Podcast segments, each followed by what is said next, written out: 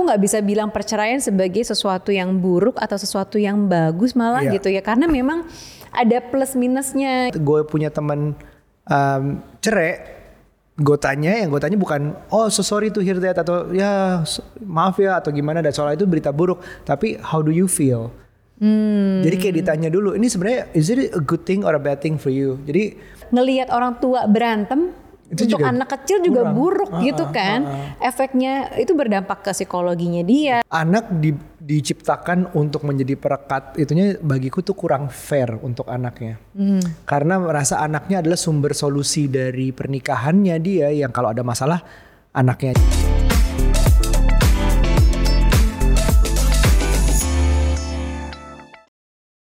Halo parents, apa kabar? Kembali lagi di podcast Curhat Babu, curhatnya Bapak dan Ibu. Yeay, buat kamu yang baru lihat juga episode kita nih agak baru ya, ada studio baru. Yeay, Dan kita punya sofa baru. sofa dari Vivere wah cakep banget ini sofanya Yeay, nah episode kali ini kita mau ngebahas sesuatu bukan hal yang baru, hmm, tapi sudah menjadi fenomena gitu ya di Iya. beberapa waktu terakhir. Duh, hal ini uh, berhubungan banget sama saya. Cik gitu. Apa tuh? Karena kita mau ngomongin divorce.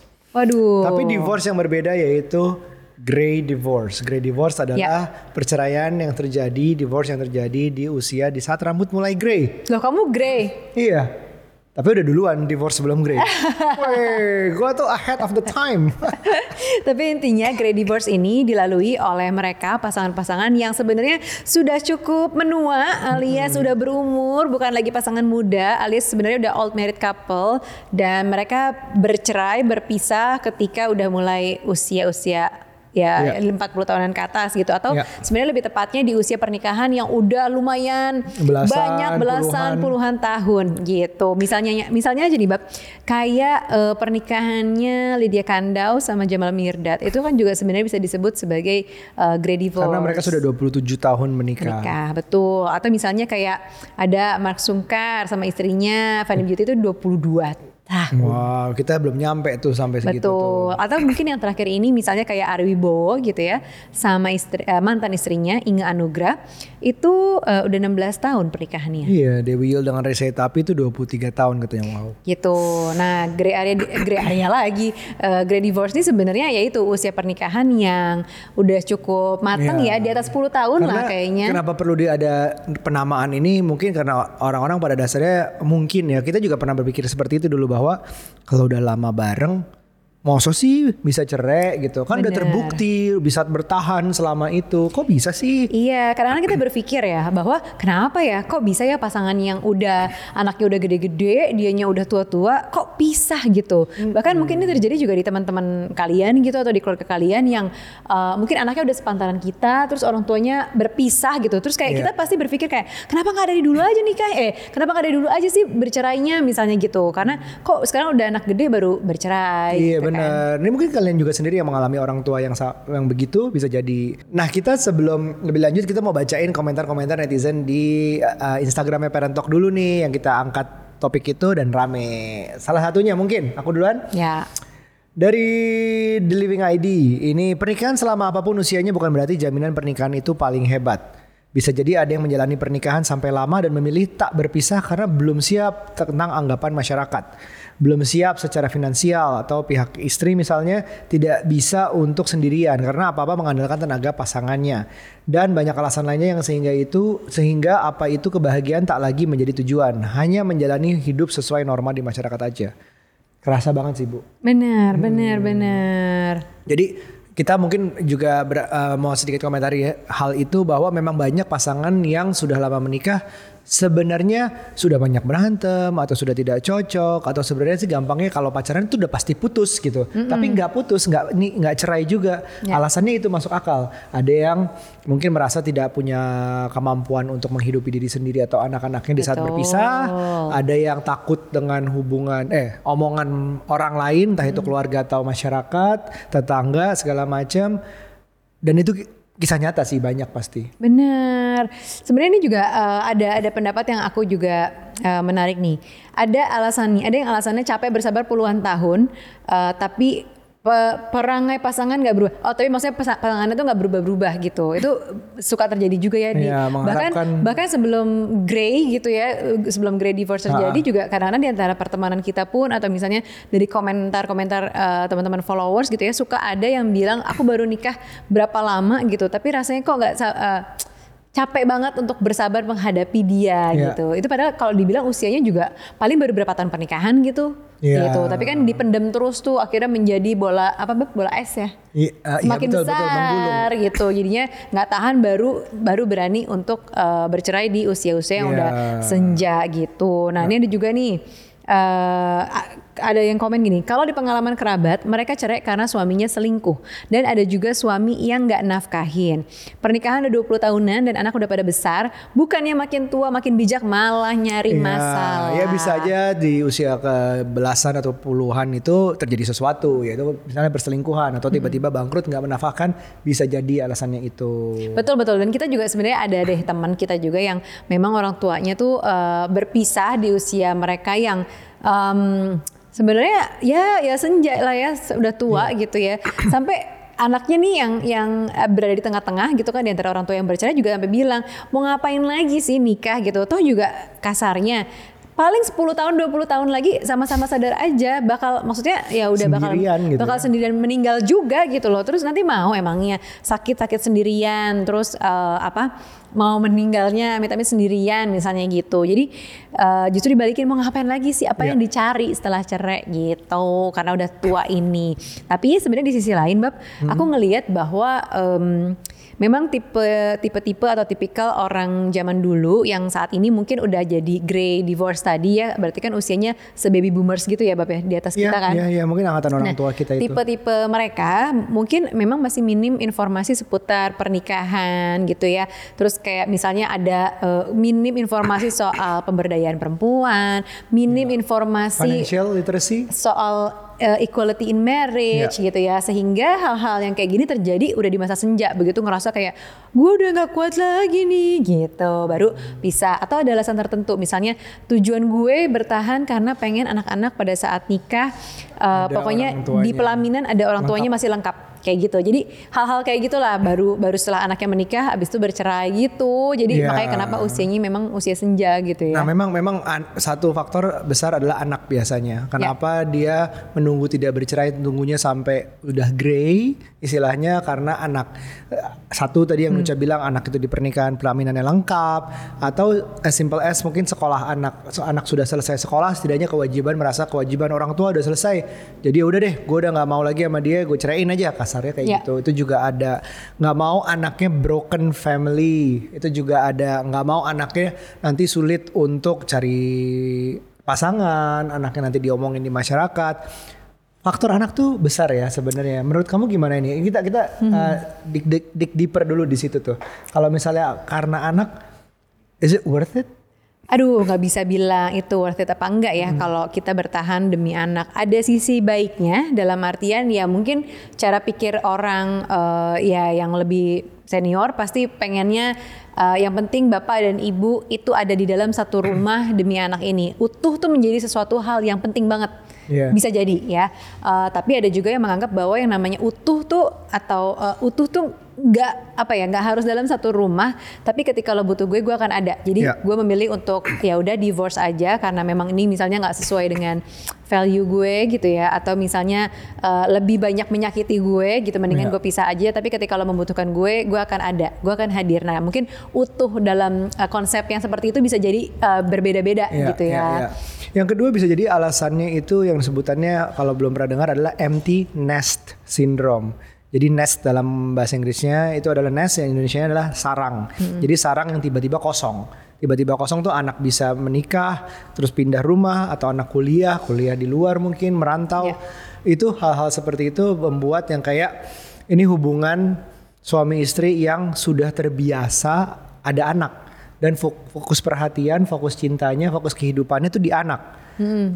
Sehingga si anaknya udah keluar, nggak tahu lagi nih cara berbagi cintanya, cara menyatakan cintanya kepada pasangannya seperti apa, kosong rasanya. Dan sejak itu mungkin hubungannya mulai merenggang gitu. Bisa sih, emptiness anak syndrome. tuh kan bisa menjadi perekat antara orang tuanya, tapi bisa jadi ya gitu merenggangkan gitu ya. Tapi dalam hal ini mungkin dalam pernikahan tuh anak merekatkan hubungan ayah dan ibunya, tapi ketika dia udah nggak ada lagi, udah dia tumbuh besar, terus Iya, dia dewasa dan lagi. uh-uh, uh, keluar dari rumah, sudah tidak ada perekatnya lagi nih di rumah itu antara suami dan istri ini, dan jadinya kembali kayak uh, ketika nggak ada anak, gue gimana ya sama Iya. pasangan gue dan justru misalnya jadi oh ternyata selama ini tuh gue entah nggak cocok atau gue nggak ngerasa serak uh, atau misalnya kehadirannya tuh bikin nggak nyaman Iya. dan lain-lain makanya mungkin juga baru bercerai gitu ya. Nah, jadi aku juga kemarin kan ada postingannya uh, dari dari podcast kita di Instagramnya Parent Talk dibuat jadi reels tentang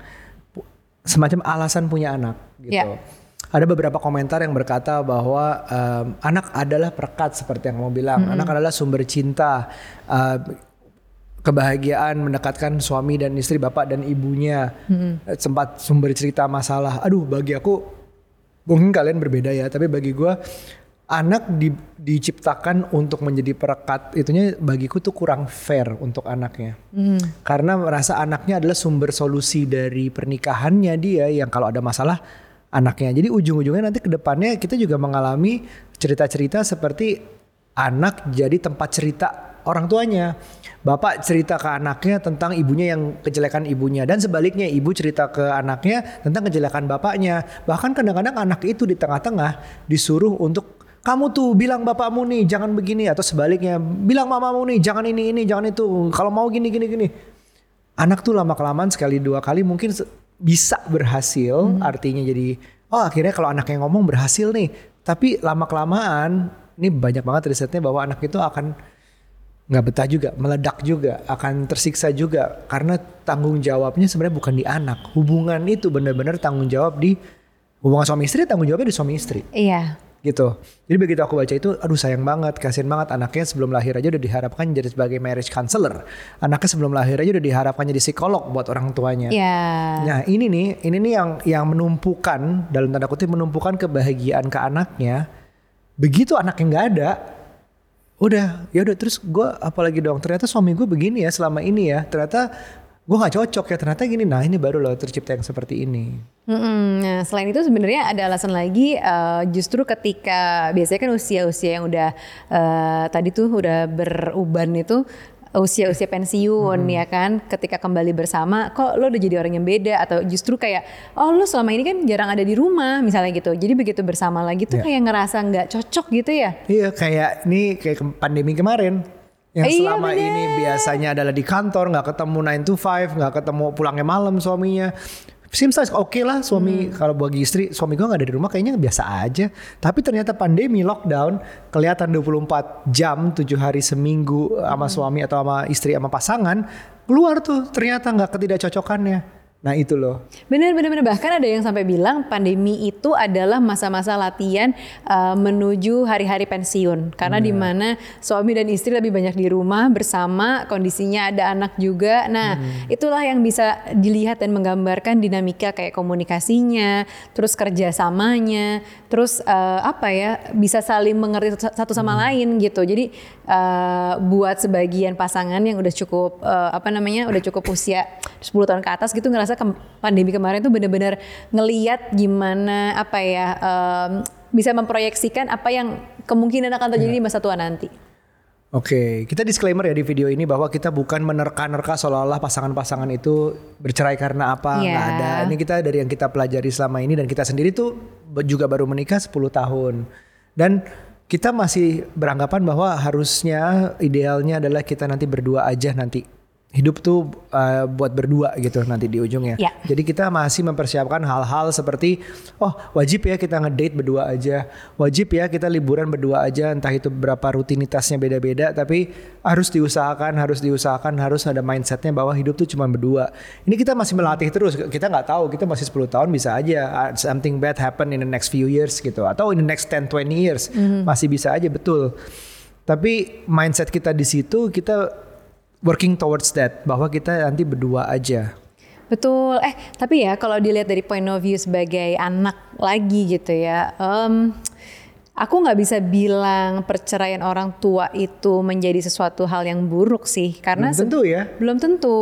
Uh, tapi mungkin aku bisa paham kalau posisinya anak masih kecil banget gitu ya. Ya. Bisa dilihat sebagai perceraian orang tua tuh satu bisa jadi inner child bab Betul. ya kan karena menimbulkan trauma yang cukup besar, damage-nya tuh lumayan pasti buat Ya. anak-anak di bawah umur yang belum ngerti konsep perpisahan karena yang ada kehilangan, terus Iya. grieving gitu ya, perasaan duka uh, dan nggak lengkap gitu sosoknya Iya. nggak ada sosok feminin dan nggak ada sosok maskulinnya Uh, dan uh, apa ya?